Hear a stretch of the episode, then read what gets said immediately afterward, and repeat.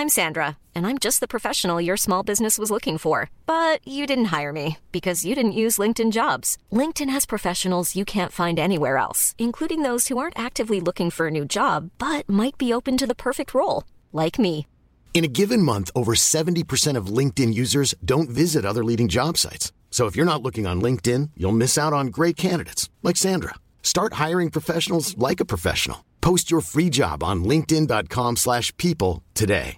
Hey, it's Paige DeSorbo from Giggly Squad. High quality fashion without the price tag. Say hello to Quince. I'm snagging high-end essentials like cozy cashmere sweaters, sleek leather jackets, fine jewelry, and so much more. With Quince being 50 to 80% less than similar brands. And they partner with factories that prioritize safe, ethical, and responsible manufacturing. I love that. Luxury quality within reach. Go to quince.com slash style to get free shipping and 365 day returns on your next order. Quince.com slash style. Hey Dave, Yeah, Randy. since we founded Bombus, we've always said our socks, underwear, and t shirts are super soft. Any new ideas? Maybe sublimely soft. Or disgustingly cozy? Wait, what? I got it. Bombus. Absurdly comfortable essentials for yourself And for those facing homelessness. because one purchased equals one donated. Wow, did we just write an ad? Yes. Bombas. Big comfort for everyone. Go to bombas.com slash ACAST and use code ACAST for 20% off your first purchase. Välkomna till Elbilsveckan denna fantastiska måndag. Med mig, Peter Esse och Kristoffer Gullin. Hur har din vecka varit? Hallå, hallå! Jo tack, den har väl varit helt okej. Eh, Fram tills igår ungefär när jag spräckte vindrutan på bilen så att den är inne på lagning just nu. Eh, Men nej, annars är det bra. Din, din, din, din bil så att säga. Min, min, min bil ja, min Mustang. Precis, den får den ny som vindruta. dig pengar. Nej då. Själv då? Jo, men eh, den har varit intressant. Först och främst har jag insett hur, vilken dålig bilförare jag har blivit. Jaså? Ja. Eh, Jag har också upplevt en känsla av sorg. Oj.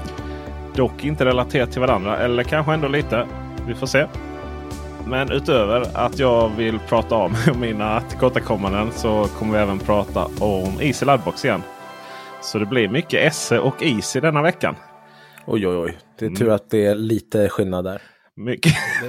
jag säga, jag tänkte I, skulle säga, nu i, säger jag Easy fixar Esse, Esse fixar Easy och sådär. Ja, just det. Du kommer det här liksom. Det är ungefär samma misär tänkte jag att jag skulle få höra här.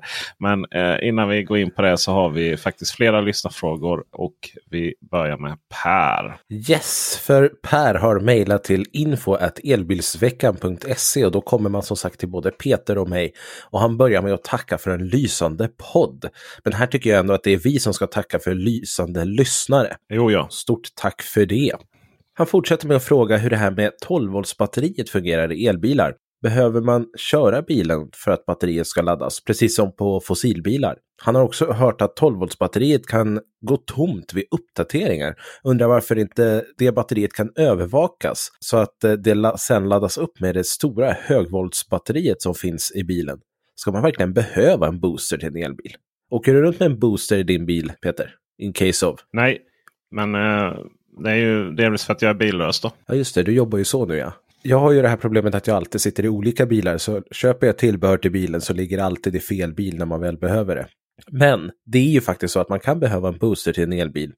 Eh, för er som inte vet det så finns ju 12-voltsbatteriet även i elbilar och det tar ju hand om mycket av elektroniken i bilen helt enkelt. Tar väl hand om all elektronik förutom själva drivlinan. Precis, det är ju drivlinan som den inte tar hand om och det tar ju högvoltsbatteriet hand om. I övrigt så fungerar det ju som en fossilbil i princip. Där all elektronik går på det här batteriet. Och det är ju faktiskt så också med elbilar att vi har fördelen att vi har ett högvoltsbatteri i bilen som gör att vi kan ladda 12-voltsbatteriet. Det är en omvandlare som drar ström från högvoltsbatteriet och som laddar upp det här lilla 12-voltsbatteriet. Och det komiska här är att det finns ett problem som kan uppstå där 12-voltsbatteriet dör.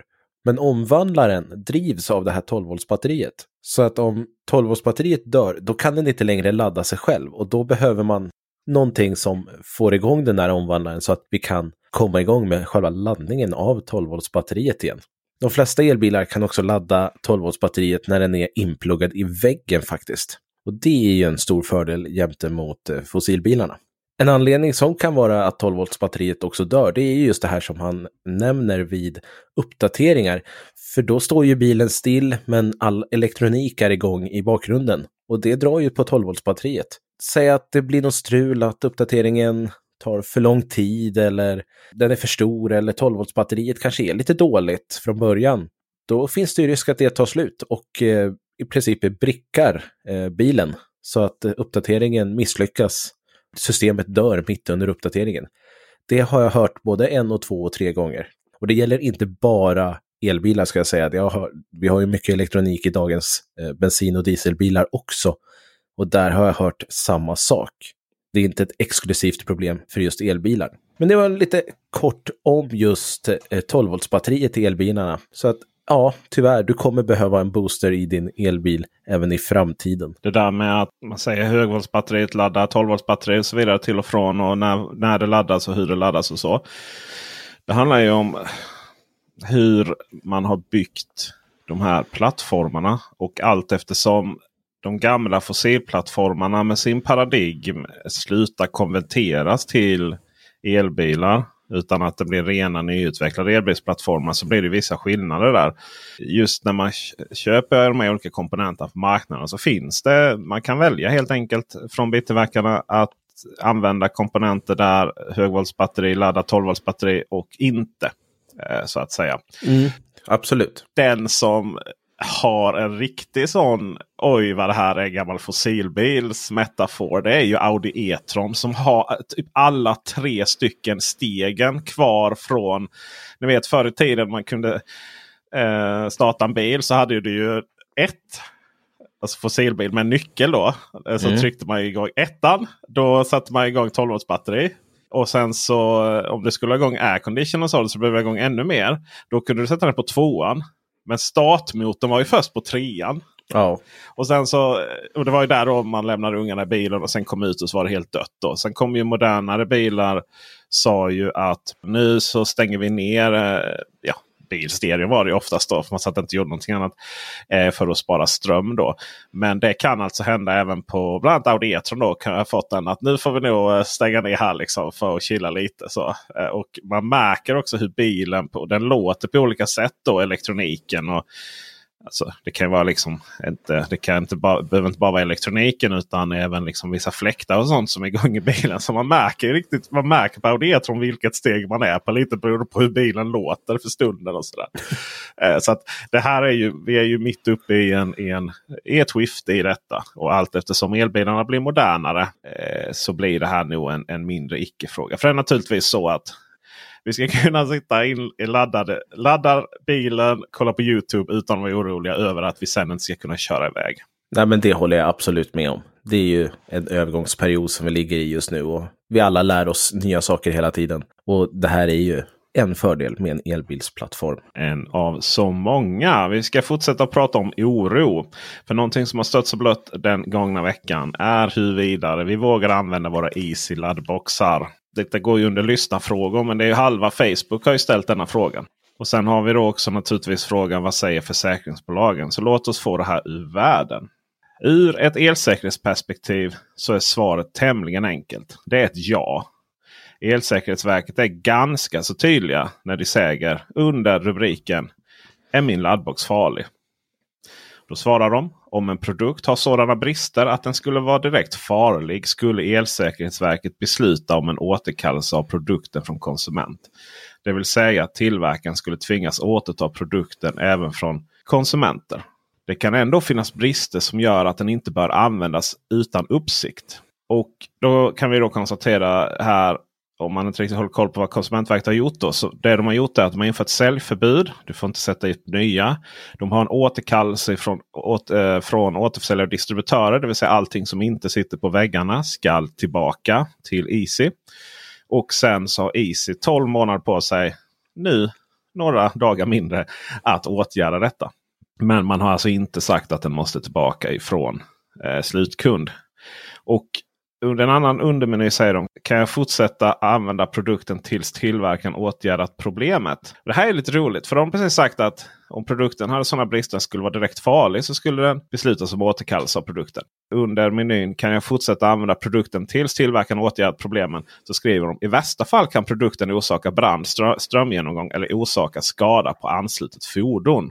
Så det är lite så. Och, och, det låter ju, det låter ju hemskt. Men då är det så här i värsta fall. Då pratar vi alltså en på miljoner.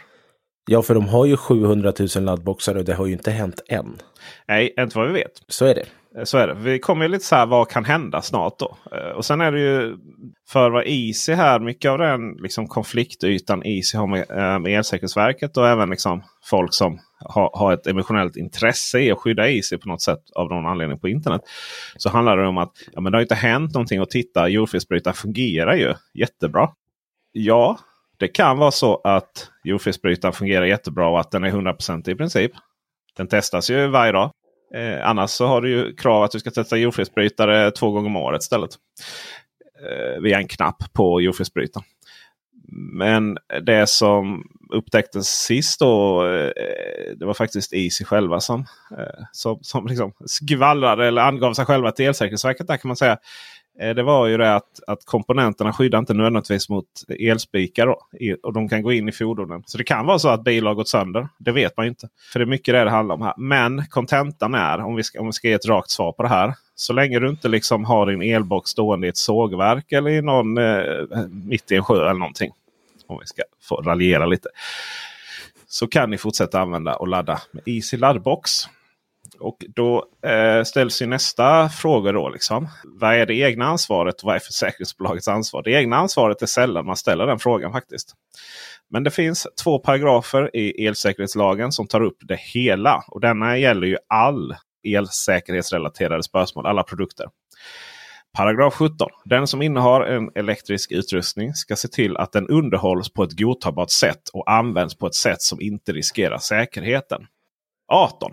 Den som använder elektrisk utrustning ska försäkra sig om att den är säker för användning. Det här tycker jag är spännande. Den som innehar elektrisk utrustning ska se till att den underhålls på ett godtagbart sätt och, att, och används på ett sätt som inte riskerar säkerheten. Laddboxarna är per, per definition säkra på det sättet att de är ju skyddade. De, elektroniken är ju skyddad. Så det är ett hölje. Det är liksom, den är väldigt, den är väldigt så här icke... Eh, man, man, kan ju lägga handen på en laddbox utan att vara rädd för den. Eh, det är inte riktigt samma sak. Till exempel eh, rödrost då. Eh, ska du helst inte stoppa ner en gaffel i. Till exempel. Den är inte riktigt lika skyddad. Om vi får hårdra det. Eh, en annan sak som jag tycker är spännande. är Den här och används på ett sätt som inte riskerar säkerheten. Ja, men hur skulle jag kunna riskera säkerheten på en laddbox? Det går ju inte. Den är ju inte strömförd. Alltså sladden till bilen eller kabeln till bilen.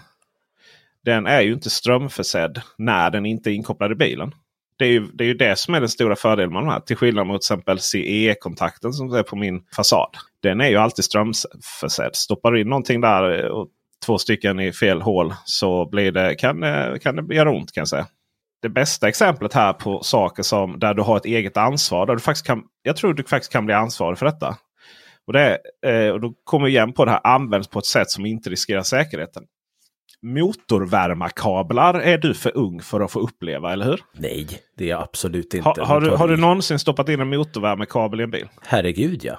Min första bil var en S60 2003 hade motorvärmarkabel. Så hade du en sån här hemsk liten luftelement där nere i passagerare... Japp, det är precis det jag hade. Herregud. Sen uppgraderade jag till en V40 och så vart det dieselvärmare för hela slanten. Skaffade du bil när du var 15 eller? Nej, 19 okay. tror jag jag köpte min första. Okay, så där, ja.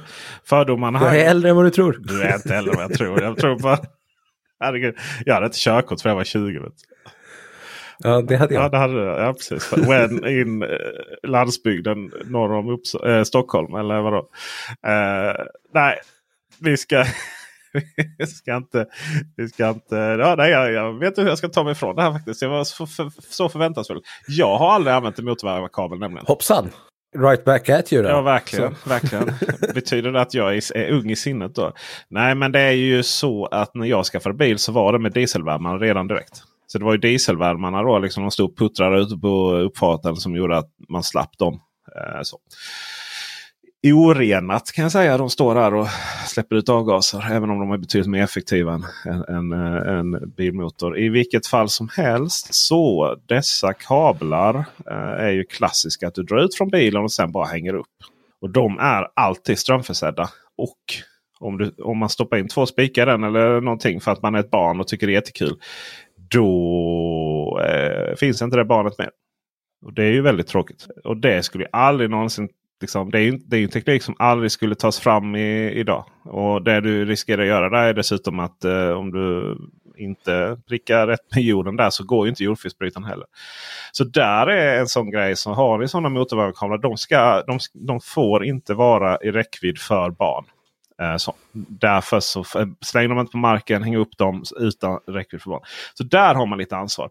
Det här går inte att applicera på de här boxarna. För de är så att säga säkra som eh, standard. Sen har vi ju den här spännande frågan då. Det konsumenträttsliga liksom. Vad händer? Det är många som säger men vad händer nu om Easy går i konkurs? Då? Ja, den är ju inte helt, helt irrelevant den frågan kan jag säga. Vi vet ju att de behöver miljarder för att överleva. Då funkar nämligen så här att ur ett konsumenträttsligt perspektiv så är det alltid säljaren som ansvarar för en produkt som säljs så att den ska fungera så som man har liksom kan förvänta sig. Eh, men genom den skyldigheten så kommer också någon form av äganderätt om, om, liksom, om åtgärd. Beslutanderätt kan vi kalla det om hur processen ska gå till. Och här är det nog faktiskt godtagbart från alla håll och kanter.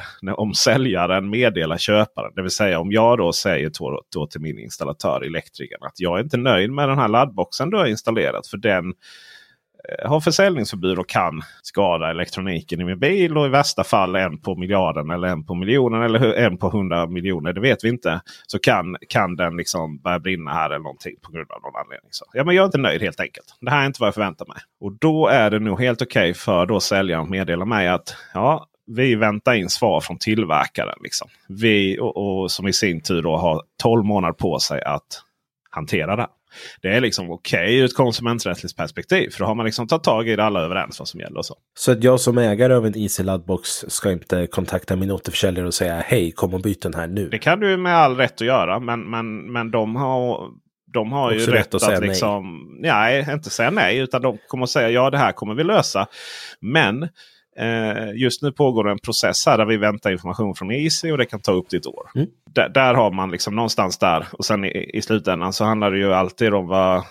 Alltså, alltid när man inte är överens och ska tolka lagar och regler så handlar det alltid om vad domstol skulle säga i slutet. Så om du orkar liksom ta den fighten av en principiell anledning så kan man ju få reda på det till slut. Men det lär ju ta längre tid än själva lösningen. Uh, men skulle då tillverkaren Easy gå i konkurs så blir det ju High Chaparral på ett helt annat sätt. För att det konsumenträttsliga det ligger alltid på säljaren. Och det spelar ingen roll om tillverkaren har gått i konkurs. Så Det kommer att bli otroligt, otroligt jobbigt om Easy inte klarar det här för alla parter. Bristen i den här laddboxen är ju framförallt på ett sådant sätt så att den kan åldras snabbare än vad som den ska göra. Så att vad som händer inom det här året. Det är liksom det kan vi vänta på. Men om den inte eh, inte då eh, löser sig under det året. Ja, men då har man en produkt som kommer att åldras snabbare än förväntat kanske. Elsäkerhetsverket har för övrigt tagit fram en broschyr som sammanfattar mycket av det här. Namnet är Om du köpt en produkt som har brister. Det var alltså namnet. Och vi länkar till den i beskrivningen. Man kan till och med beställa den som lite papper om man gillar liksom att bläddra. Men kanske den viktigaste frågan av dem alla. Vad säger egentligen försäkringsbolaget? Alla har svarat på olika sätt. Antingen genom olika artiklar, journalist har ringt eller eh, på Facebook eller på sina webbsidor. Och eh, If Försäkringar eh, har skrivit så här på sin webbsida. Det här betyder inte att man som privatperson i nuläget behöver montera bort sin laddbox. Vi ser inte heller att det kommer påverka försäkringen på något sätt. Man kan vara lugn. Men som alltid hålla uppsikt och följa de säkerhetsrekommendationer som finns. Skulle det komma nya rekommendationer från leverantören så ska man följa dessa för att försäkringen inte ska påverkas. Detta säger Johan Granholm, motorexpert på If. Och här kommer man ju igen det här hålla uppsikt. Då. Alltså, det måste sägas. Det måste sägas från Elsäkerhetsverket. Vi håller inte uppsikt när vi laddar våra bilar. Vi laddar våra bilar på nätterna. Vi håller inte uppsikt. Men skulle någonting hända så, så har de i alla fall sagt att det här be betyder inte att man som privatperson i nuläget behöver montera bort sina laddboxar. Vi ska ställa den här, faktiskt, den här frågan vi ska ställa den till Johan Granholm. Det här liksom hur man kommunicerar mot att vad som egentligen faktiskt fungerar i praktiken. Så Att du inte behöver stå åtta timmar i regnet och titta på din bil när du laddar. Liksom. Eh, och det ska vi göra i nästa avsnitt. ska vi intervjua Johan Granholm. Så har ni några frågor om just eh, IC-laddarna. Om, om vi inte har svarat på alla redan. Eller om ni har andra motorrelaterade försäkringsärenden. Bilrelaterade försäkringsärenden. Elbilsrelaterade försäkringsärenden då ska sägas. Så skicka dem till info elbilsveckan.se. Vi ska fortsätta här innan vi släpper in Kristoffer Gullin och som vill ut och, och gasa med Forden här. En annan Ford än vad han själv har. Eh, om Historien om Easy uppgång och fall har jag skrivit. Och då tänkte jag framförallt fall i domstol då. För de har ju inte, ja, de har ju inte fallit ännu. Men det är ju ett fall i domstol då där man har överklagat Elsäkerhetsverket. Leker med ord här, hör jag det? Ja, men det får man ju göra. Det får man ju göra Absolut. tycker jag. Easy startade så sent som 2018 i norska Stavanger. Av Jonas, åh oh, herregud, Helmsköj. Ja.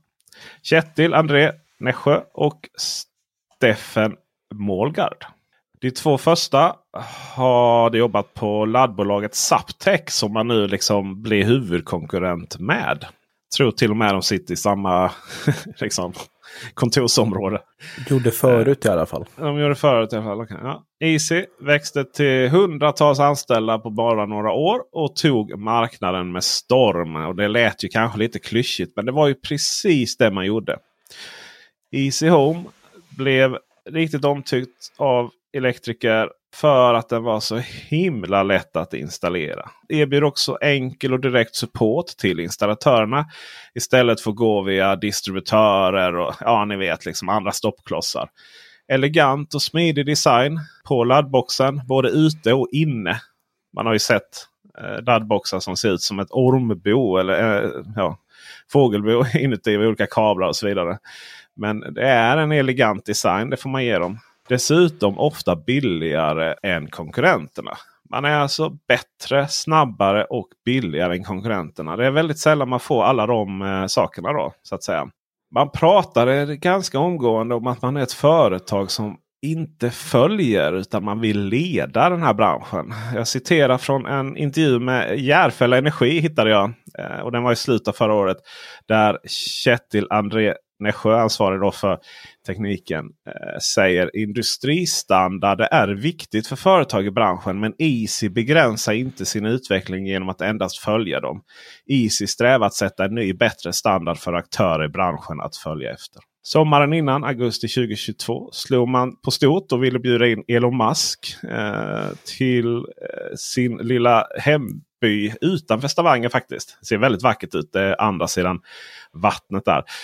Och den heter Jörpeland. Och där vid den lilla orten vill man byta om till Musk City då och träffa honom och ta en kaffe. Liksom, sådär.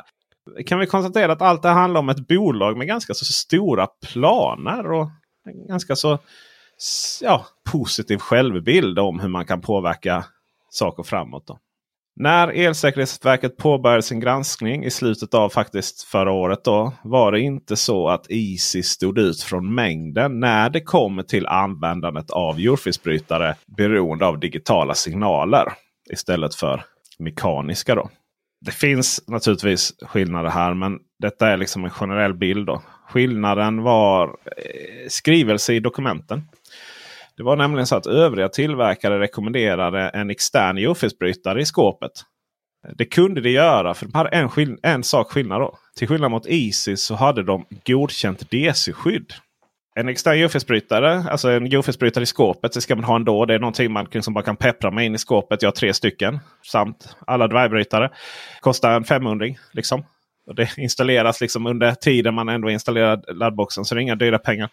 Medan en, en extern jordfelsbrytare med DC-skydd det kostar 3 5 gånger så mycket som en vanlig jordfelsbrytare. Då fallerar ju hela den här, det här billiga priset. Då. Sedan så blev det så att när Easy skulle svara på detta så kom man in med dokumentation som visar på ännu fler brister. Det visar bland annat då att, att den inte klarar IP-skyddet.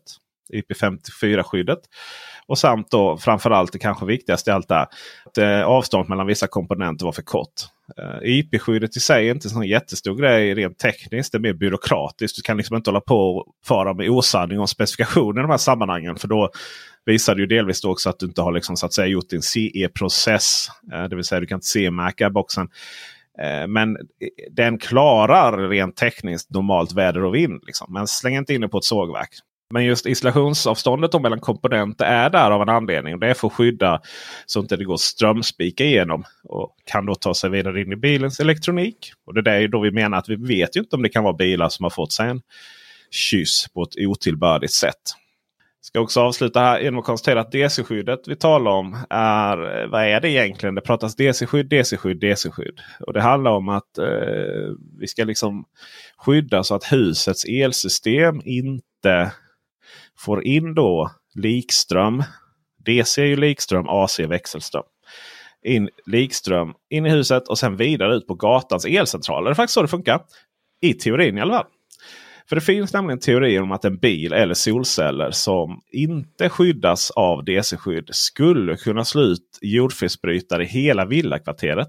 Att det är så osäkert runt detta och man inte vet vad som händer riktigt och så vidare. Det har ju att göra med att vi har inte haft massiv DC-baserad energimängd anslutna till våra hus tidigare. För det är ju nämligen bara solceller och elbilar, eller ja, även husbatterier som, som fungerar på det sättet. Och det är en ganska så ny företeelse. Men så sent som i fredags den 24 mars så blev det ännu ett slag emot Easy. Där förvaltningsrätten då sa nej till den inhibition, svårt ord där, som Easy har begärt i väntan på överklagan. Det innebär då att säljstoppet finns kvar. Och att de här 90 dagarna som Easy har på sig att återkomma till Elsäkerhetsverket med förslag på hur man ska lösa den här situationen. De fortsätter ticka. Det ska sägas att inom de här 90 dagarna så behöver man inte ha löst problemet. Utan man behöver bara ha återkommit till Elsäkerhetsverket med en handlingsplan. Man har totalt ett år på sig att lösa det ut hos kunden. Kristoffer Gullin, är du redo? Har du tränat stämbanden? För nu, nu ska vi ta en korv och eh, gasa lite utanför korvkiosken i, utanför Växjö. För nu är det dags för få den här va?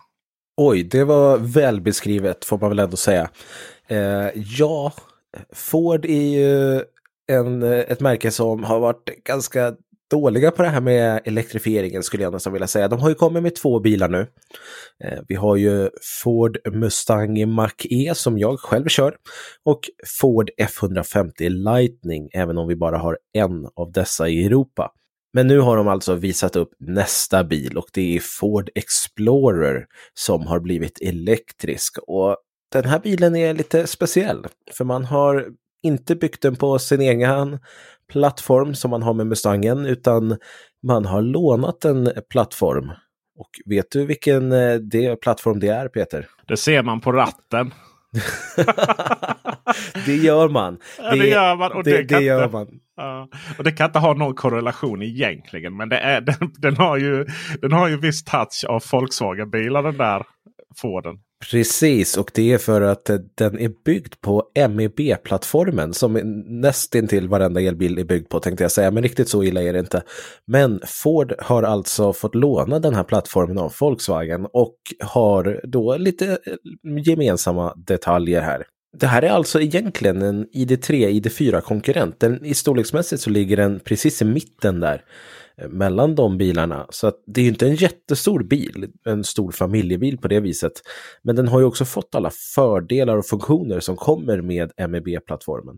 Och vi har inte alla specifikationer på Eh, Ford Explorer, men vi kan ju gissa oss att det kommer vara liknande som typ ID4. Vi vet att det kommer komma en bakhjulsdriven version, vi vet att det kommer komma en fyrhjulsdriven version hur stort batteriet är, hur lång räckvidden är och sådana saker. Det har vi ingen koll på, men jag skulle väl gissa på ett 77 kWh batteri användbart. Det är ju vad ID4 har.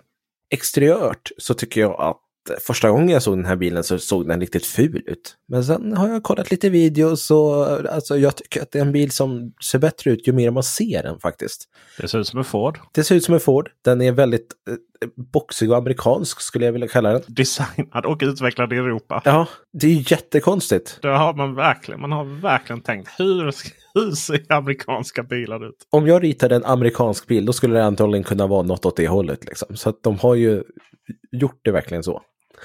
Interiört har man jobbat väldigt mycket med utrymme. Och det här är ju riktigt häftigt. Det finns 17 liter i mittkonsolen. Vilket är helt enormt. Jag kan inte tänka mig någon annan bil som har så stort utrymme i mittkonsolen som den här Ford, nya Ford Explorer har. Det finns även en 15-tummare i mitten som man kan skjuta fram och tillbaka på. Jag bara känner när jag såg den. Och efter tio år här. Är det, är det batteriet eller den skärmen som kommer ge upp den, där, den skärmen tror jag bara är på någon form av mekanisk eh, eh, sliderfunktion. Så det har jag nog inga större problem jo, med. Jo, men det är ju, det är, någon kabel måste ju röra sig liksom. Ja, men flexibla kablar har ju funnits i många herrans år. Ja, och det har varit förlägggaranti på dem på datorvärlden många gånger. Ja, Kanske blir det en återkallelse där då. Vi vet ju hur ja, det kan precis. bli. Nej, det är mer den här. Eh, det, jag tyckte det var en jättecool eh, grej. Liksom. Det, man, man, man känner det. Oh, man, man har ju liksom haft så att vet, luckor på bilar. Så ja. har man ju sett som du vet man efter ett tag så ger mekanismen upp lite för enkelt och så kan man aldrig stänga igen den eller aldrig sådär. Så, ja. Alltså, jag tycker ju själva lösningen är jättehäftig för du har ju mm. möjlighet att lägga ner skärmen lite som i MG Marvel eh, R för er som vet hur den skärmen är lagd. Eh, så att den lutar ganska aggressivt och försvinner lite ur synvinkeln och det är lite det som är tanken att du ska kunna ligga på motorvägen och bara cruisa och så bara tar du ner skärmen och så är inte den i vägen och du har gått eh, om utsikt och sådana saker. Men sen behöver man kanske upp i navigationen eller någonting sånt. Då kan man ställa upp skärmen igen så att den blir lite mer lik i, som i Mustangen där den står bättre. Och man ser tydligare på skärmen vad som eh, finns. Det är ju en ball idé och jag tycker att det är rätt häftigt att man har gått och gjort någonting lite mer annorlunda. Och man har även tagit tillvara på det här eh, och gjort lite nytta av det också. För det finns även förvaring under skärmen. Så att du kan använda skärmen som ett, liksom ett lock för den här förvaringsplatsen.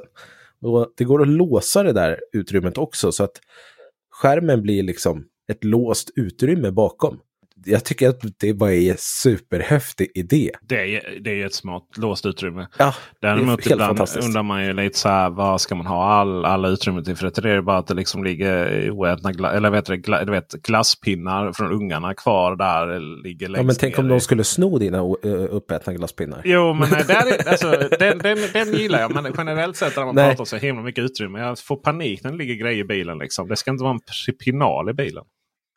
Ja, det, det, det, jag försöker tänka på vad jag har och sen kom jag på att jag har i princip inget i bilen.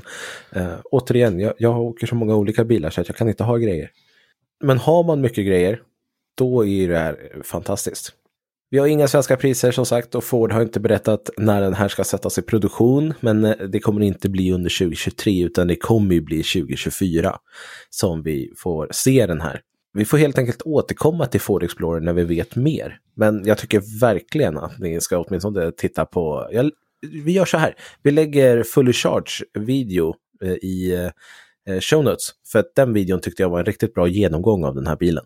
Mm. Så om ni är intresserade så finns det på elbilsveckan.se. Ford har ju en intressant identitetskris i Europa. Det känns lite varannat år om de ska ge upp på hela marknaden eller inte. Ja, de har haft lite svårt med lönsamheten.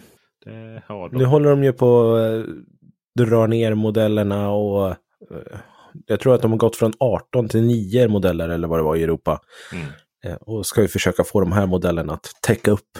Men det, det, det är svårt med småbilar. Undrar vad de eh, fick betala för att ta del av MEB-plattformen. Det måste ju vara massivt med pengar. Alltså gud vad jag skulle vilja läsa det avtalet. Ja. Mustangen är ju snordyr för dem. Det kommer ju alltid ja. nya rapporter om hur mycket pengar de förlorar per såld bil.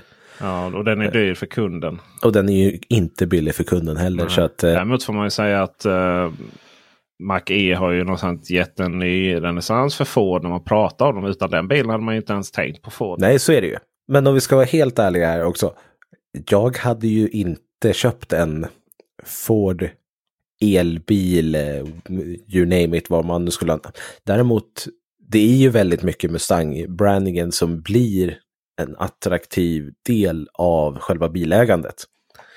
Eh, och det, det kanske man kan tycka vad man vill om, eh, fåfänga eller någonting, men det, rent krasst är det ju så. Jag eh, cyklade förbi eh, här igår. Eh, Malmö cykelvägar är ju trevliga på det sättet.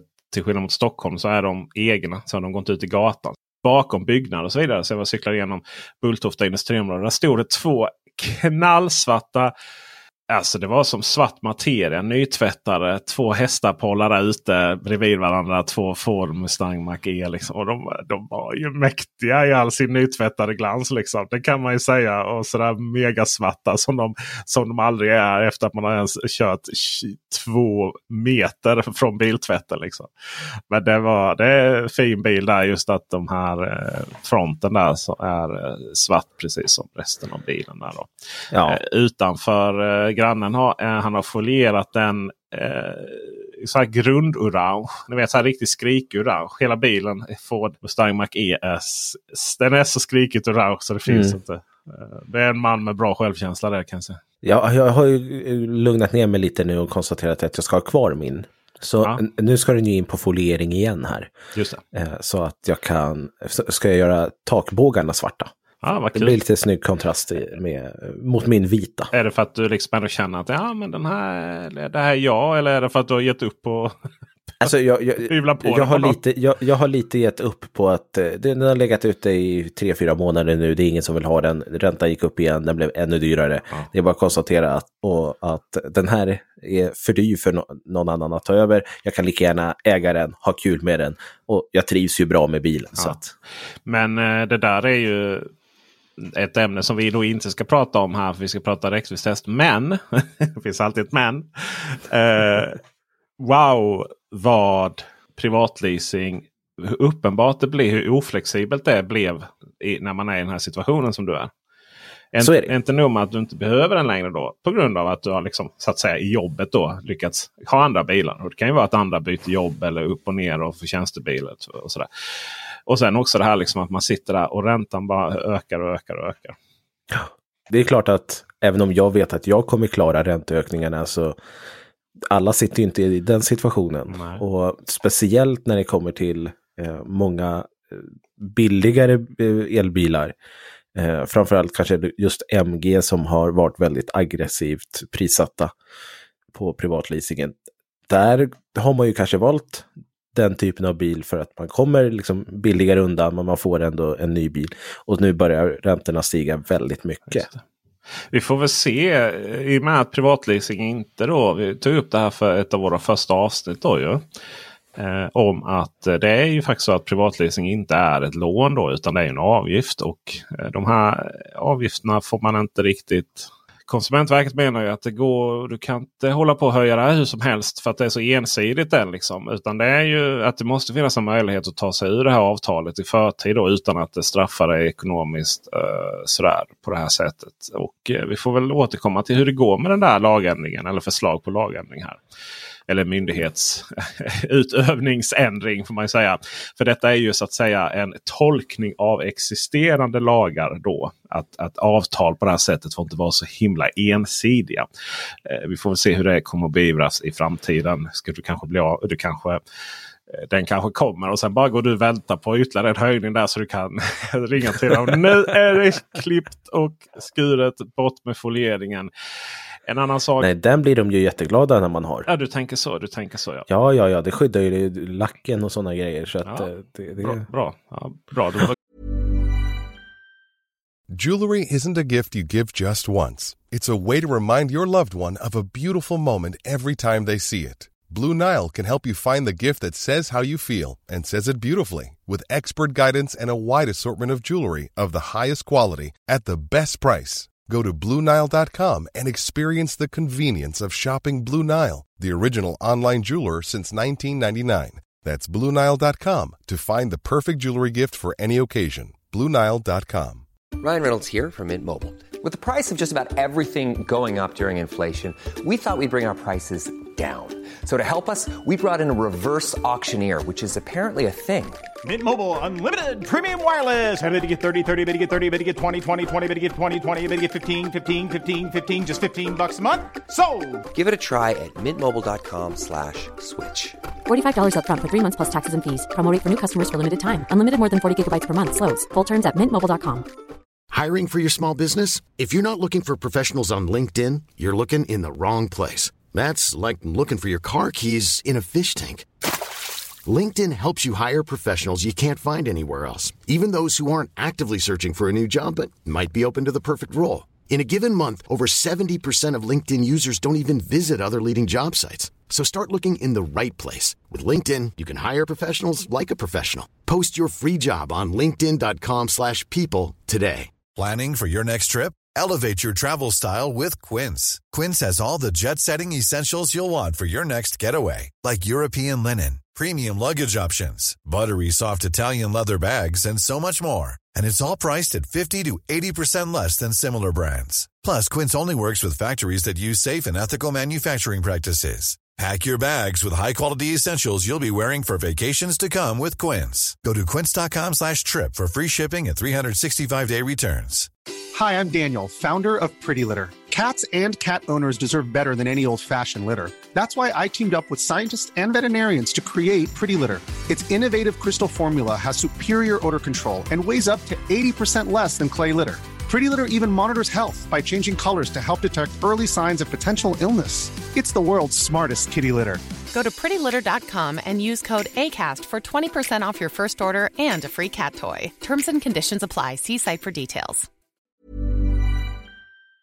För, för att minska avgifter. En annan sak som, eh, som kanske är det mest eh, diskuterade när det kommer till elbilar. Det är ju det här. hur- Vilket har man egentligen för räckvidd på bilen? VLTP Ja. säger en sak. eh, Förväntningarna säger en annan sak. Kanske samma då. Men verkligheten säger ofta någonting helt annat. När du då bränner i 110 på E6an. Eller E4. Hade du varit miljonär om du hade fått en femma varje gång du fick frågan? Hur långt kommer du med den där Audin? då?" Eh, ja, det hade jag varit faktiskt. En femma, alltså, jo, jo, det hade jag varit. Ja. Det är ju nästan standardfrågan man får. Ja, så det, nu har man gjort ett mastodont-räckviddstest både i antal bilar och i längd här nu. Och eh, vi eh, beger oss till Tyskland. Precis, för det är ett eh, räckviddstest som är gjort av tyska Autobild som har kört närmare 50 elbilar, eller närmare, de har kört 50 elbilar på autobahn i 130 kilometer i timmen. Och det här är kanske inte supermega relevant för oss i Sverige eftersom Tyskland har ju en annan typ av asfalt och eh, vi får inte köra i 130 eh, på svenska vägar. Men jag tycker ändå att det var intressant att se hur långt man ändå kommer och vilka som ligger i toppen här. Och om vi kollar topp 5 så blev det Mercedes EQS 450 Plus, BMW iX X-Drive 50 och MS60 X-Drive, alltså båda iX-modellerna här. Kom tvåa respektive trea. De är inte gratis. De är absolut inte gratis. Det är inte en EQS 450 Plus heller. Nej, verkligen inte. Det är uh, Jesus. Alltså, stora batterier, stora bilar. Genesis G80 kom fyra. Den har väl inte kommit till Sverige än? Nej, och frågan om den någonsin gör det. Nej, det, jag är tveksam på det också. Femma kom E EQE 350 Mercedes. Och alla de här hade en sak gemensamt. De kom över 400 kilometer. Det var också de enda bilarna som kom över 400 kilometer. Min spontana reaktion var ju det här var ju riktigt bra. Så över 40 mil i 130 kilometer i timmen. Det är helt galet. Men det är framförallt eh, tänker jag på alltså IX är ju spännande där. Eh, sen kan det ju bero på att de har då st ganska stora batterier. Eh, det är ganska, eh, för sin storlek en ganska lätt bil. Om man jämför till exempel med E-tronen så känns det nästan som en budgetbil i vissa sammanhang. Man stänger igen dörrar och sånt. Så bara oj, vad det var Tesla-aktigt här. Eh, nej fan, det, kom, det var inte... Nej, nej, det var... Det var inte meningen att det skulle låta... Okej, okay, så här. Det får stå för dig. Så här. Eh, bilar som är tunga har en viss tyngd till alla komponenter. Bilar som är optimerade för lätthet och så eh, har en annan känsla. Och eh, här vill jag då ge Tesla en... Det var meningen det skulle vara som en komplimang. Det var det som var poängen. Eh, i vilket fall som helst. Så, men, men, men Mercedes EQS och EQE, både SUV och icke-SUV. Alltså de har ju ett luftmotstånd som är nästan minus. De är ju rekordlåga. Det är de. Det är de. Det var det jag skulle komma till. Så det är ju verkligen olika anledningar varför de här bilarna går så långt. Tror jag. Alla de här bilarna är ju också byggda på en ren elbilsplattform. Mm. Det hjälper ju säkert till. Problemet som blir är ju lite det här att eh, jag har försökt läsa eh, Autobilds eh, artikel också och alla andra artiklar som har skrivit om det här. Ingenstans hittar jag hur många grader det var när man körde det här och sådana, eller när man gjorde det och det. Så då blir ju testet så här, ja vi har kommit så här långt med den här bilen. Det säger ju inte så mycket rent krasst. Stod bilarna på vinterdäck? Stod de på sommardäck? Det blir inga vinterdäck i Tyskland heller. Nej, det har men... inte ens vinterdäck i Danmark. Är det så illa alltså? Ja, nej, kanske. Ja, för att det inte är någon vinter, min vän. Vi har inte vinterdäck i Malmö. Det är bara när vi ska lämna Malmö. Det gör ganska mycket med räckvidd. För att om man kollar i botten så hamnade Mazda MX-30 på 140 kilometer. Och 140 kilometer i 130 med en Mazda MX-30, det tycker jag var jättebra. För att när jag körde det, då kom jag 10 mil i 120. Eh, när jag gjorde mitt räckviddstest med Mazdan. Men då var det kallt. Och hur det går att jämföra med det här testet, det blir ju svårt. Så poängen som jag vill göra lite här är att eh, alla räckviddstester man ser ska man ta med en nypa salt. Det ska man alltid göra, men det är så mycket annat än bara bilens storlek på batteri som gör det här med räckvidd och alla variabler som finns runt omkring. Det är ju många som även har frågat mig det, vilken typ av däck som sitter på bilen när jag gör mina räckviddstester och det kan ju också ha en skillnad. Så att det finns så otroligt mycket, men framförallt temperaturen är ju högst relevant känner jag. Det vill man alltid ha med när man gör ett räckviddstest. Bra temperatur dock, generellt. Just nu. Det är inte mitt i sommaren, det är inte mitt i vintern. Det är liksom... Ja, ja nej, jag har ju för sig en C40 nu när jag, som lånebil när jag har Mustangen inne. Jag kanske skulle göra ett räckviddstest. mm. Hur långt tycker du att man bör komma Peter med en bil? Vad, vad är liksom en acceptabel räckvidd att sitta och tuffa motorväg på? Ah, tuffa motorväg det är 25 mil. 25 har du? Ja, men 25-30 brukar jag säga. Är en acceptabel.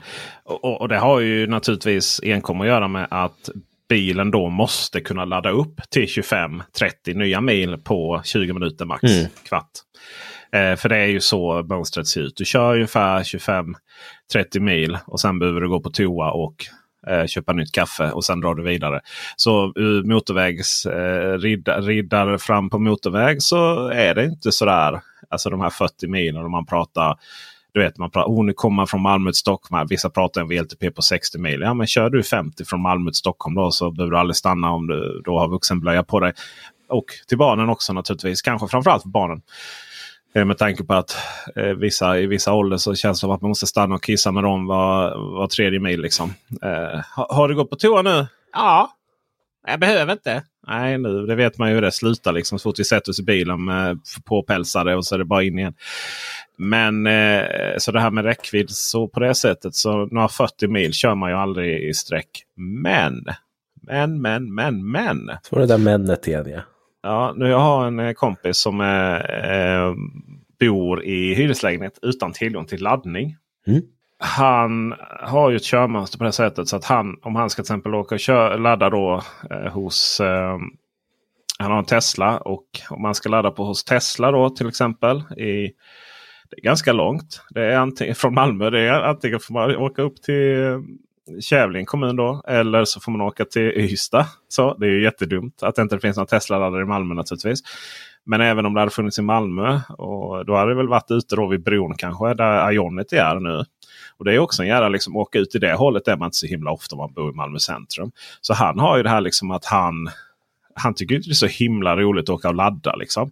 Så på det sättet så vill ju han ha så stort batteri som möjligt för att slippa vardagsladda. Liksom. Mm. Sen har ju han då samma problem som de flesta fossilbilister börjar få nu. Att man får åka rätt långt ut från stan för att överhuvudtaget kunna ladda, ladda eh, bensin och diesel då framöver. Men, men så där är ju fördelen med stora batterier. Och så. Så, att, så här, om bilen laddar långsamt då ska den ju ha stora batterier så att man inte behöver stå och stanna och ladda längs vägen då helst. Eller om ja, stanna kanske man behöver göra, man behöver inte ladda. Eh, och har den inte det så ska den se till att ladda upp de här batterierna ganska så himla omgående. Då. Eh, sådär. Ja, det låter väl som en vettig kombo. Ja, tycker jag ju. Eh, sen, sen, eh, sen, sen har jag ju... Jag är ju där jag pratar om att vi behöver långsammare laddare. Mm. Säg att du liksom... Värnamo är en sån klassiker. Liksom. Alla samlas runt de här supersnabba laddarna. Eh, för att det är de som, som finns. Och så är det Ionic till exempel. Då, så är det billigt då. Och så blir det lite köer där. Eh, så, och sen ska du ändå typ till Max och käka. Liksom. Så då blir det lite så här. Ja men eh, pappa. Av någon jävla anledning är det alltid pappan som åker på det. Då. Eh, släpper av ungarna på, och, och hustru eller, eh, eller man. Eh, och eh, släppa av dem på Max. Och så får de gå in och beställa där. Liksom. Och sen så kör man bort och laddar bilen. Och har man tur då så eh, Alltså, det finns ju inget scenario på, i Värnamo där du kan lämna bilen för att dra och käka. Liksom. Och då har vi ju tappat en stor fördel med elbilen känner jag. Och om man då hade liksom lite långsamma laddare då, som du vet, ja, kan vara borta en timme. Ja, men sätt upp en 50 kW laddare. Och det finns ju en 50 kW laddare där på vid mer då. Och jag tänker Värnamo är det mest generiska laddstället på planeten. Det ser ut så. Liksom, löser man Värnamo löser man allting annat. Det är liksom Eh, Ionity-laddarna sitter utanför eh, eh, Circle K. En liten Circle K där det inte finns jättestort utbud. Vissa Circle K har ju börjat som var värsta restaurangerna. Mm. Eh, och sen då, och ska du då gå därifrån till eh, Max eller till någon annan hamburgerrestaurang i närheten. Eh, eller någon annan restaurang generellt sett. Ja, då får du riskera livet. För det går inte, de här områdena går inte att gå över vägarna då. För det, finns, det är inte gjort för att du ska gå emellan. Exakt samma sak i om du kör upp till mellan Malmö och Göteborg så kör du och stannar i Varberg.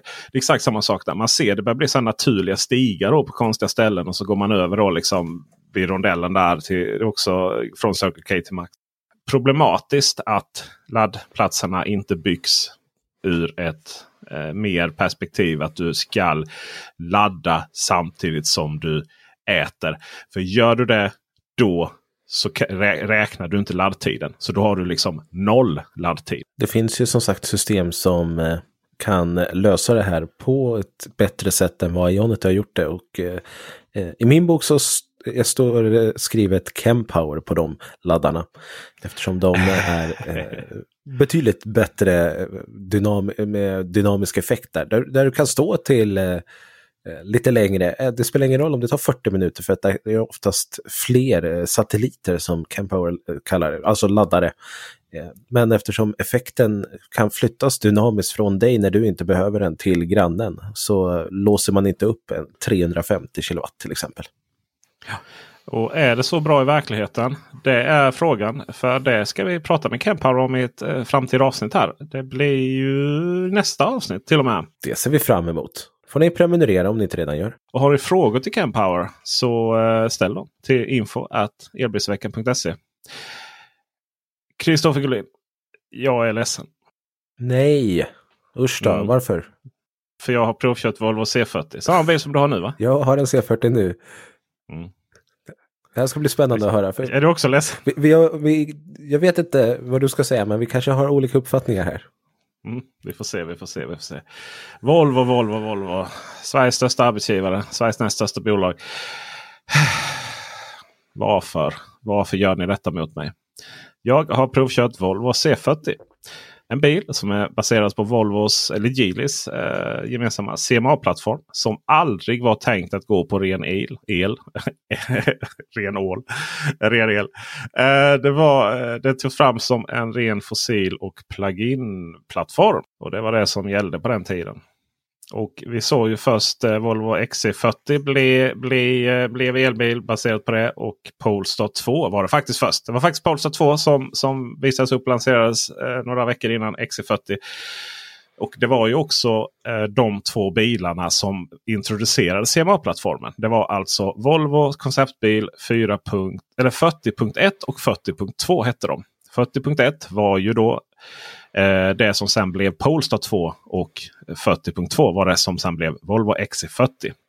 Så Polestar bildades och norpade helt enkelt en modell ifrån Volvo. så, för det behövdes.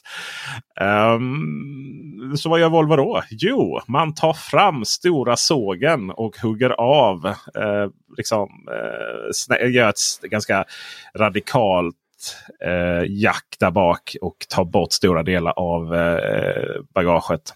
Eh, och vi får Vol- Volvo C40. Som ju är identiskt fram till, eller bak, fram till vi kommer till eh, C-stolpen. Ja. Jag glömde säga det på Ford Explorer förresten. Har du sett vad de har gjort med C-stolpen? Vad tänker du på då? Ja, ja det eller? På håll så ser det ut som att den är, eh, alltså så att, att den är jättebred och svart. Ja. Men när, om du kommer i närheten sen så är, är halva transparent. Så, det, så designen är, det är fönster som man har liksom satt, satt svarta element på. Eller svart, svarta, ja något svart är det. Så om du ser från håll ser det ut som att den är jättebred. Men kommer du nära så är det alltså fönster som du ser igenom. Nice! Ja, det var, jag tänkte så här, okej, okay, vad syfte? Men eh, ja, det var härligt. Ja. Det ska ju sägas det att när man väl har sågat av den där stora bagageluckan eh, och gjort det till en sportback så är det ju omöjligt att se bak. Ja, Den det- har ju, det, det, det existerar inte. Det är, det är ju så att du tänk, håller på att vinkla om spegeln för du tror att den är helt felvinklad. Du har ingen syn på överhuvudtaget. Och där är ju för första då, det tycker jag är lite synd. Det här gör inte mig ledsen för jag Ja, jag förstår varför man gjort det. Den är ju vrålsnygg på utsidan. Alltså C40 är så himla snygg. Jag tror Thomas tusan det är den snyggaste bilen i klassen. Alltså. Alltså, jag börjar bli lika mycket gubbe som dig, Kristoffer Gullin. Att, liksom, du, för jag var så oh, Polestar 3, Polestar 3 och Kristoffer Gullin här, liksom, eh, 26-åriga gubben här. Bara, "Nej, men jag tycker 29. EX90. Ja, Okej, men eh, 6 9 det vet de är lika. Eh, 29-åriga Kristoffer Gullin, ja, men EX90 det är min bil. Liksom. Det är jag och gubbarna i 65, 70, 75, 85 års åldern där som ska köra där. Liksom. Ja.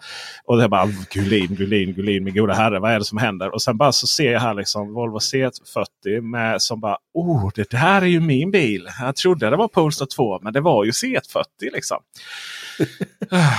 Förutom att man inte ser någonting bak. Då. Men hade man gjort den, hade man gjort den bilen nu så hade man gjort liksom glastak där du får följa med bak hela vägen. Nästan. Eh, som en Andra Tesla, har gjort. Tesla Model Y. Precis. För jag försöker komma fram till att den är så himla charmig den här bilen. Jag är förälskad. Jag är förälskad. Jag är så himla eh, oprofessionell i den här recensionen. Det är för att jag är känslomässigt engagerad i den här bilen. Den upplevs som större i framsätet för en tjockis som mig. Eh, Jag tror att det har att göra med att det är mer plats. Alltså, eh, man har inte den här stora, stora muren mellan sätena där fram som Polestar 2 har. Eh, Så att den är, alltså, upplevs större än vad Polestar 2 gör. Och Eh, jag tror det har att göra med den här liksom, stora konstruktionen som är på Polestar 2. Som man inte har då här i, i, eh, på Volvon. Komforten är mycket god. Jag skulle vilja säga att C40 skulle man kunna ha som referensbil mot andra bilar. Det vill säga det här är nollpunkten. Det är lite som man har referenshörlurar. Det här är liksom det här är ett par bra goda hörlurar. Det finns hörlurar som låter mycket bättre och det finns hörlurar som låter mycket sämre. Det finns bilar som har och naturligtvis mycket bättre fjäring, större komfort så att säga. Jag är ju behäft med en med E-tron. Det finns bilar som ju är otroligt mycket sämre då på vägen. Jag kommer inte upprepa vilken jag tänker på för det vet alla. Det här är den referensbilen man kan ha. Den är skön, den körs Alltså man kör på vägen, man, man, man kör långa sträckor med den. Man, kör, man kan köra över gupp i städerna och sånt utan att man liksom känner att det är jobbigt. Sätena kunde vara något skönare, eh, men det är trots allt Volvos minsta bil. Bagaget sväljer oväntat mycket. Du nickar, du säger det i radio. Du håller med? Ja, absolut. Jag har ju faktiskt en video på min YouTube-kanal där jag kör XC40 mot eh, C40 och där har jag ju packat in båda eh, flyttkartonger i båda bilarna. Och Mm. C40, ja, det var en låda mindre den inte kunde ta än XC40. 413 liter eh, mot 419 liter. Och där är det ju återigen det här med att det är upp till hatthyllan. Yes, det är ju det. det, är ju det. Naturligtvis. Du, du får ju in, eh, om du ska trycka upp mycket där i eh, liksom, bakre uppåt då. Eh, så är det ju naturligtvis eh, C, eh, där, där har du en bagagelucka på C30. Det kom, eller, den, den tar i, det kommer man ju liksom inte ifrån. Men eh, det jag gillar också är ju att den har ju att den är upphöjd. Eller upphöjd är den inte utan den går ju plant med själva... Man behöver inte böja sig ner. Du vet, så att man kan bli smutsig och kläderna och så vidare. Utan den är helt plan jämfört med själva insteget. Då, eller man ska säga. Och det, det tänkte jag i mitt förvirrade tillstånd. där liksom, att ja, men Det har att göra med att det sitter massa elbilsrelaterade saker där bak. Liksom, du vet, man måste höja lite som de gamla gasbilarna man hade. Man satte gastank där bak och så fick man höja eh, bagageutrymmet lite. Men öppnar du upp där den här, den här golvet på bagageutrymmet så, så når du ju en helt ny värld där nere. Liksom. Alice i Underlandet det bor ju där liksom. Det är hur mycket plats som helst. Hade du den här uppdelade golvet i din version som du körde med? Du hade knappt eh, dryckeshållare i den här versionen. Okej, okay. för ja. i min eh, tidigare XC40, eller båda mina XC40 som jag hade, så finns det samma sak. Och där delar ju eh, Volvo golvet så att du kan lyfta upp det och ställa det och därmed eh, dela bagaget så att du får två sektioner i bagaget. Ah, smart. Det gjorde ju att du kunde ställa massa kassar eller vad det nu var liksom i det här stora hålet som finns. Ja. Och sen så hade du ju liksom fortfarande en del av bagaget som var avskärmat där du kunde liksom ha allt annat skit som man normalt sett har, eller jag har i alla fall, eh, i bagaget ligger och skrävlar. Och det. det är där man vill ha det, man vill inte ha det där fram, liksom. man vill ha det där bak i bagaget. Ja. Nej men då kunde man avskärma, det var ju en jättesmidig lösning. Som, ja. jag, jag vet Polestar har något liknande, men annars så har jag inte sett det någon annanstans. Jag ska faktiskt tipsa om det. Eh, jag, när jag körde Audi E-tron på sist här nu så hade de, det var med nät då. Så att man hade nät på golvet. Så du kan liksom fösa, fösa in en väska bara och sen lägga ett nät över den. Okay. Eh, alltså inte nät mellan passagerare och bagageutrymme utan på golvet. så. Och, och det var ju så här, Jag tänkte varför skulle man någonsin köpa ett nät till en bil? Men det var ju magiskt där istället för att höra den kasa runt där bak. Så satt den där. Riktigt smart om ni har möjlighet att göra det allt som allt är ju det här en otroligt trevlig historia. Och det är också den här bilen som gör mig så himla ledsen. Uh, ledsen i hjärtat, ledsen i själen, ledsen överallt. Det handlar ju om sån bortkastad potential. Den osar ju av omgjord fossilbil. Ja, det gör och, det. Alltså, jag hade kunnat förlåta grillen där fram. Eh, eh, jag kan väl på något sätt förstå liksom att det är inte jättebilligt och karosseri, karosserna liksom att göra dem. Men mm, jag kan förlåta den. Även om det hade varit riktigt snyggt. Tänk om den hade sett ut som EX90 där fram med den här smooth och liksom loggan går in i. Ja, eller något motsvarande. Men, men visst, man har satt igen eh, grillen där fram. Det är okej. Okay. Men när jag upptäckte att de hade liksom satt igen startknappen med någon bara plugg. Liksom, då var jag ju tvungen att fråga dig Kristoffer. Alltså, har de lagat den här bilen temporärt? Eller är det så att, att det är ingen startknapp i bilen och att det här är permanent liksom på alla modeller? Och det var ju verkligen så här mm. de har löst det. Volvo har ju valt att inte ha någon startknapp. Och det kan man ju, alltså, elbilar behöver ingen startknapp. Och, utan start av och på det när du lyfter rumpan ifrån från eh, eh, sätet. Och enda problemet med det är ju egentligen när du parkerar där med din höga ungdomsmusik och så tänker du att den ska sluta när du öppnar dörren. Eh, men i själva verket slutar musiken spela när du lyfter på rumpan istället. Då. Eh, sådär. Så har man haft en startknapp har man kunnat stänga av bilen. Eh, och det är ju så att det är en fossilplattform så har man ju startknapp för att starta igång fossilmotorn. Men det behövs inte då på Volvos elbilar och Polestar 2. Och då har man satt igen det hålet. Alltså herregud, jag kan inte tänka mig att det hade varit så himla höga kostnader att göra två varianter av den där interiören. Alltså. Nej, och jag kan känna lite så här. Ja, men nu hade ni det här hålet. Om ni vill verkligen inte göra om eh, den inredningen, liksom gjuta om det till en ny.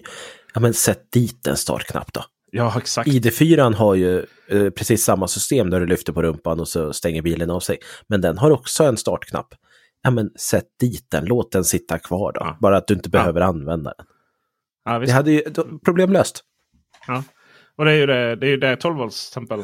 Ja, precis. Då, att, ja, men nu har den gått ner. Liksom. Det har gått så, ja, men trycka på knappen igen eller vad det kan vara. Liksom. Det har man gjort många gånger. Man har filmat om grejer och sånt. Så är det så här, åh fasen nu tog du för lång tid på men nu gick den ner i vila här. Ja, då får jag trycka på knappen. Eh, det, det, det här är inte okej. Okay, alltså, det här är inte okej. Okay. Men det värsta då som jag bara kände så här, här igen då, för det här är så dumt. Så det måste vara jag, det måste vara mig det är fel på uh, i den här relationen. Det är inte dig bilen, det är mig det är fel på. Nej, det var dig bilen. Det är ju gränssnittet. Man har ju skohornat in elbilsrelaterade element i det här gränssnittet. Skärmen framför föraren. Förar, förardisplay har vi sagt att vi kan kalla den va? Ja, jag har, ja, använder det. Förarskärm. ja. Där ligger det längst ner. Eh, det tog ett tag innan jag hittade. Så ligger det i alla fall räckvidden ser man där. Eh, och det är så långt ner så jag måste liksom böja mig framåt för att se den. Det täcks av ratten annars. Så som jag måste ha ratten för att köra bekvämt. I mitten av skärmen, i mitten av förardisplayen, så får jag välja mellan navigator och ett svart hål. Ett stort svart hål. Mm. I, i, i, i. Det, det, är så här, jag trycker på knapp, jag trycker på knapp, jag trycker på knapp. Jag tänker men nu växlar jag väl mellan navigator eller vad som spelas på Spotify eller, eller räckvidd. Och, eh, vad den vad ska man säga, eh, förbrukning. Massor av sådana data som man brukar se på elbilar och, och sånt. Nej, den växlar bara med ett stort svart hål. För det är nämligen den knappen är till för att växla mellan navigatorn och om du har navigatorn igång så, så växlar den mellan du ser pilarna hur du ska köra på något sätt. Alltså den är så här, det är värdelös information. Så istället för att få upp all den här informationen på förardisplayen. Då får jag gå in i mittendisplayen, då, alltså den som är huvuddisplayen kan man kalla den där. Då. Starta igång en app. Liksom en speciell så här, ja men det här är laddinformationsappen. Istället för att ha navigatorn igång där eller Spotify eller någonting igång där. Så måste jag liksom ha laddinformationsappen igång istället. Mm. Och förut så hade ju Volvo ett ganska bra gränssnitt på gamla Sensus. Alltså innan det blev Android Automotive. Där man kunde, de hade så fyra, fyra vad ska man säga, fyra paneler som visar information. Så nu är de där panelerna, de kan fortfarande vara fyra och är om man trycker på hemknappen. Men de visar inte all den här informationen samtidigt på det sättet. Och eh, så då måste jag ha den här appen aktivt igång för att ta reda på den informationen. Eh, och har jag den appen aktivt igång då kan jag inte ha navigatorn aktivt igång däremellan. Eller i, i mittendisplayen. Och jag kan inte lägga Spotify och så vidare det, det, jag fattar inte det. Det hade ju inte varit svårt att lägga in där i, i förardisplayen överhuvudtaget. Eh, eller så. Sen, sen, kan jag, sen kan jag ju tycka det är rätt roligt. Det är den enda gången jag sett eh, i den här laddinformationsappen. då så står det ju maximal distans och minimal distans. Och sen ligger man alltid där någonstans emellan. Då. Mm. Vissa bilar visar ju VLTP-distansen då. Vilka var det du provkörde som gjorde det? Var det Nio? Ja, ja den visade VLTP-siffran. Ja, precis, istället för någon annan distans. Här är lite så här, här, här, får man ju enorm trygghet. För du vet ju det om det skulle skita sig och du inte har liksom, då, då vet bilen att jo, men du kommer kunna komma väldigt långt. Men du får ju köra ganska långsamt och så för att, att uppnå den. Men då kan du liksom själv genom ditt körmönster då anpassa sig och baserat på den här faktan. Så det, det är jättesmart faktiskt. Ja, jag håller med dig. Ja, riktigt smart. Vad som inte är smart då. Det är ju att när jag AC-laddar så visar den kilometer per timme. Vad i hela Blekinge har de tänkt på? Men är du inte jätteintresserad av att få veta att du, kan, att du laddar i x antal kilometer i timmen? Alltså, det är så nyttig information för dig innan jag fortsätter med dissen här så kan du, liksom, kan, du kan ju få berätta här, för jag är så upprörd nu. Vad, vad innebär kilometer timmen när man laddar? Det är ju lite så här, eh, så här långt kommer du om du laddar så här snabbt i en timme. Så ja, tack Kristoffer. Varför vill man hamna i ett läge där man visar detta? Istället för effekt. Ja, det är ju effekten som är intressant kan jag tycka. Eh, ja. Hur många kilometer jag kommer. Det, det finns ju ett annat märke som gör det här och jag antar att det är därifrån man har fått det. Och ja, de och... börjar på T, slutar på S-lapp. Ja, det är klart de gör. Eh, det är klart de gör. Däremot klart. så har du ju möjlighet att byta vy där. Eh, så att du kan se. På Tesla nu? Ja, mm, så du kan ju välja vad du vill se ja. här. De visar ju en annan grej också. De visar ju ampere delat med maxampere och sen antal faser. Så där, ja. där kan du ju då räkna ut. Okej, okay, men den laddar ju då med ja, men typ 14 ampere då, så att jag laddar med. Eh, så. Eh, och i trefas då, ja, men då, då är det uppe i 9 kilowatt. Då, alltså 14 ampere gånger 230 eh, gånger 3. Så, har du liksom eh, runt 9, 9000 watt. Vilket är 9 kilowatt. Och så visar de då. Det, det tycker jag också så här.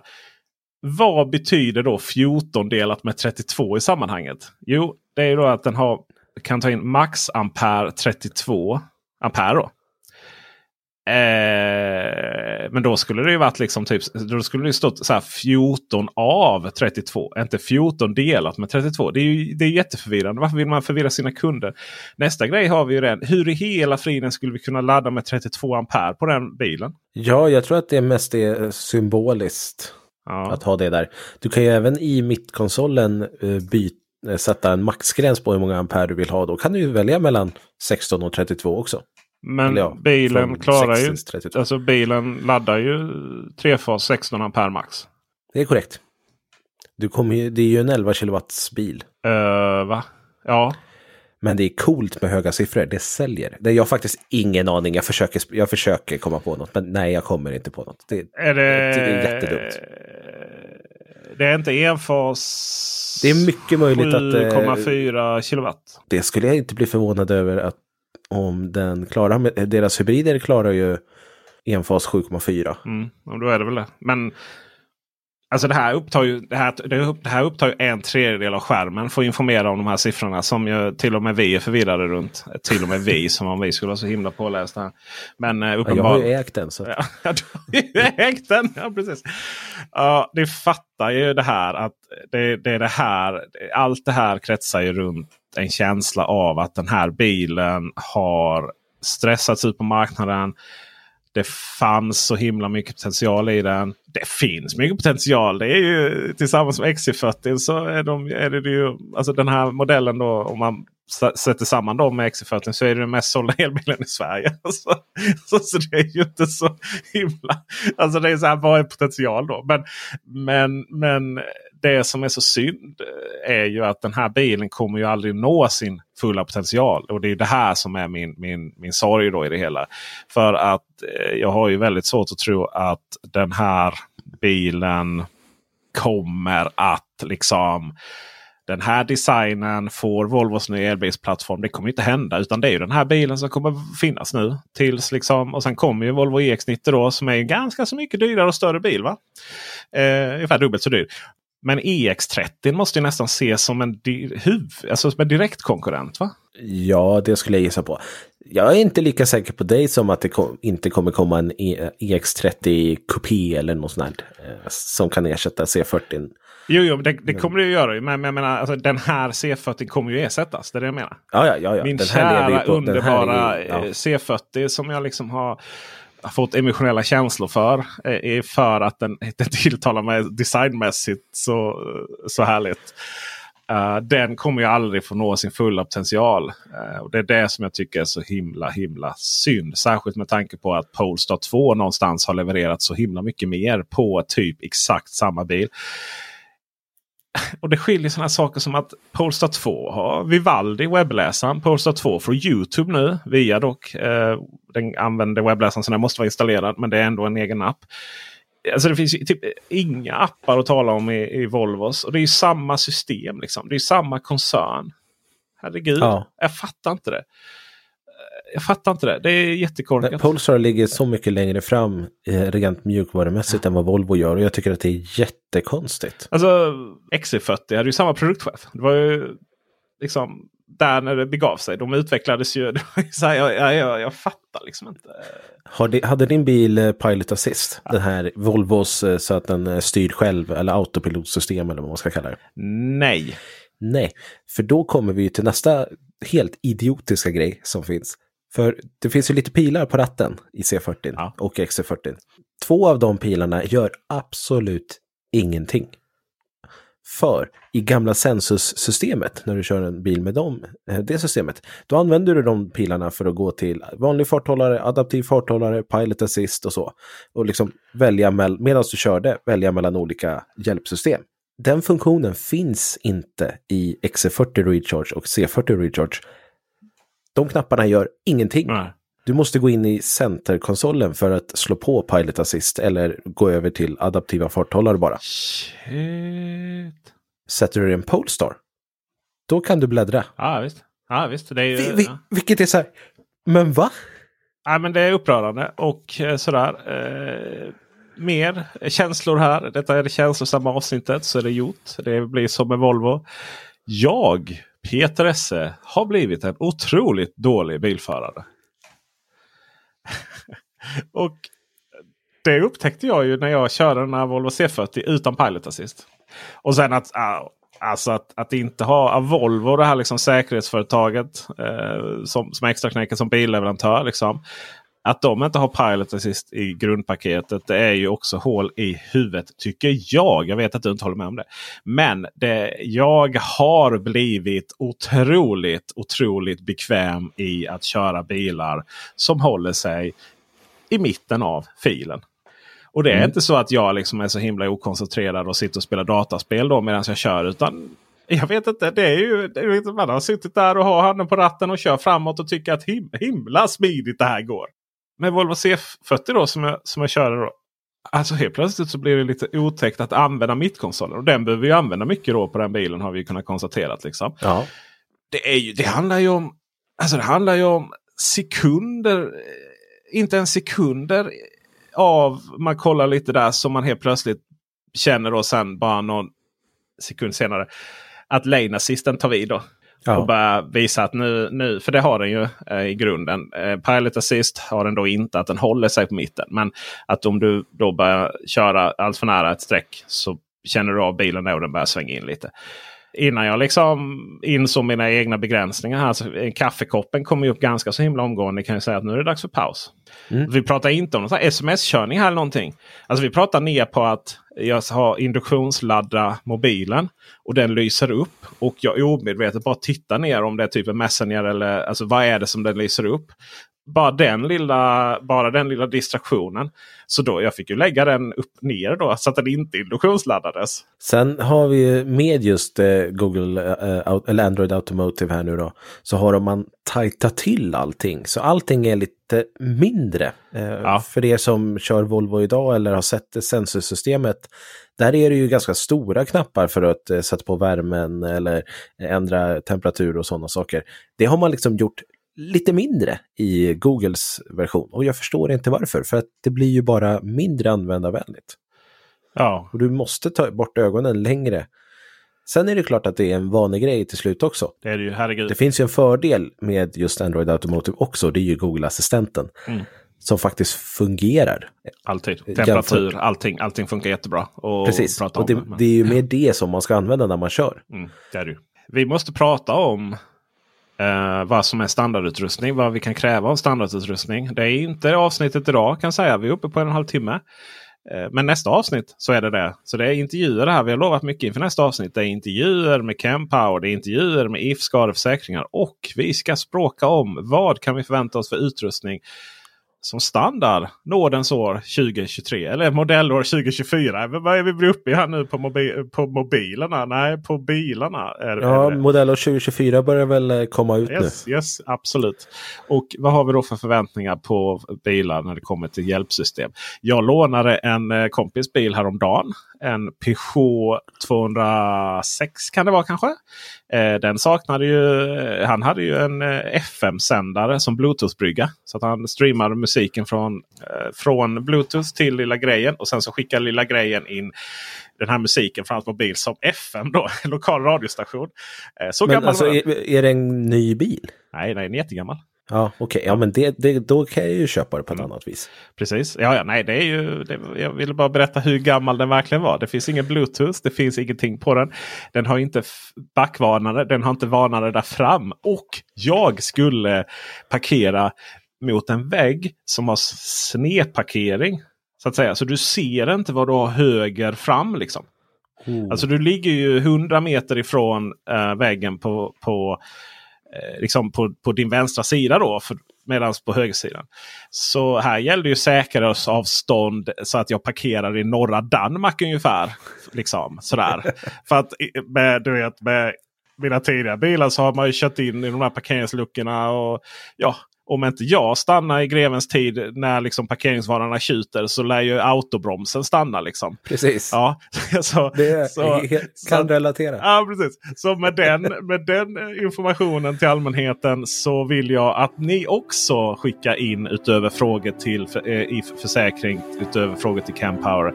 Så vill jag att ni mejlar info elbilsveckan.se och berätta vad ni tycker är liksom standardutrustning. Är det backvarnare? Är det framvarnare? Är det 3D-kameror? Är det Pilot Adaptiv Assist, farthållare. adaptiv farthållare. Det är väl lager för övrigt. Eh, tror jag. Eh, just det det? adaptiv farthållare. Ja. Eh, kineserna satsar ju stenhårt. Det är ju 360-kameror på allting och sensorer överallt. Och sen så är det andra saker man fallerar på snabbladdning och sånt. Medan eh, liksom, eh, tyskarna och Volvo och så vidare. Där är mycket av sånt tillägg. Så mejla oss så vi kan liksom sammanställa lite. Va? Vad, vad, tycker, vad tycker publiken?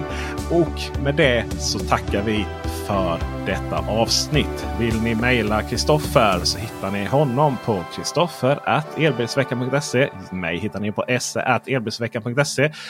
Kristoffer Gullin har en Youtube-kanal som heter Guiden om elbil. Så är det. En otroligt populär eh, tjänst. Jag har hört att eh, Youtube har fått biffa upp sina servrar här nu för att hantera alla nya prenumeranter som du har fått de senaste veckorna. Grattis till det! Tackar, tackar. Eh, min kanal och mer om Easy eh, så hittar ni på Peter Esse. Och med det tackar vi för visat intresse. Hej! Hej på er!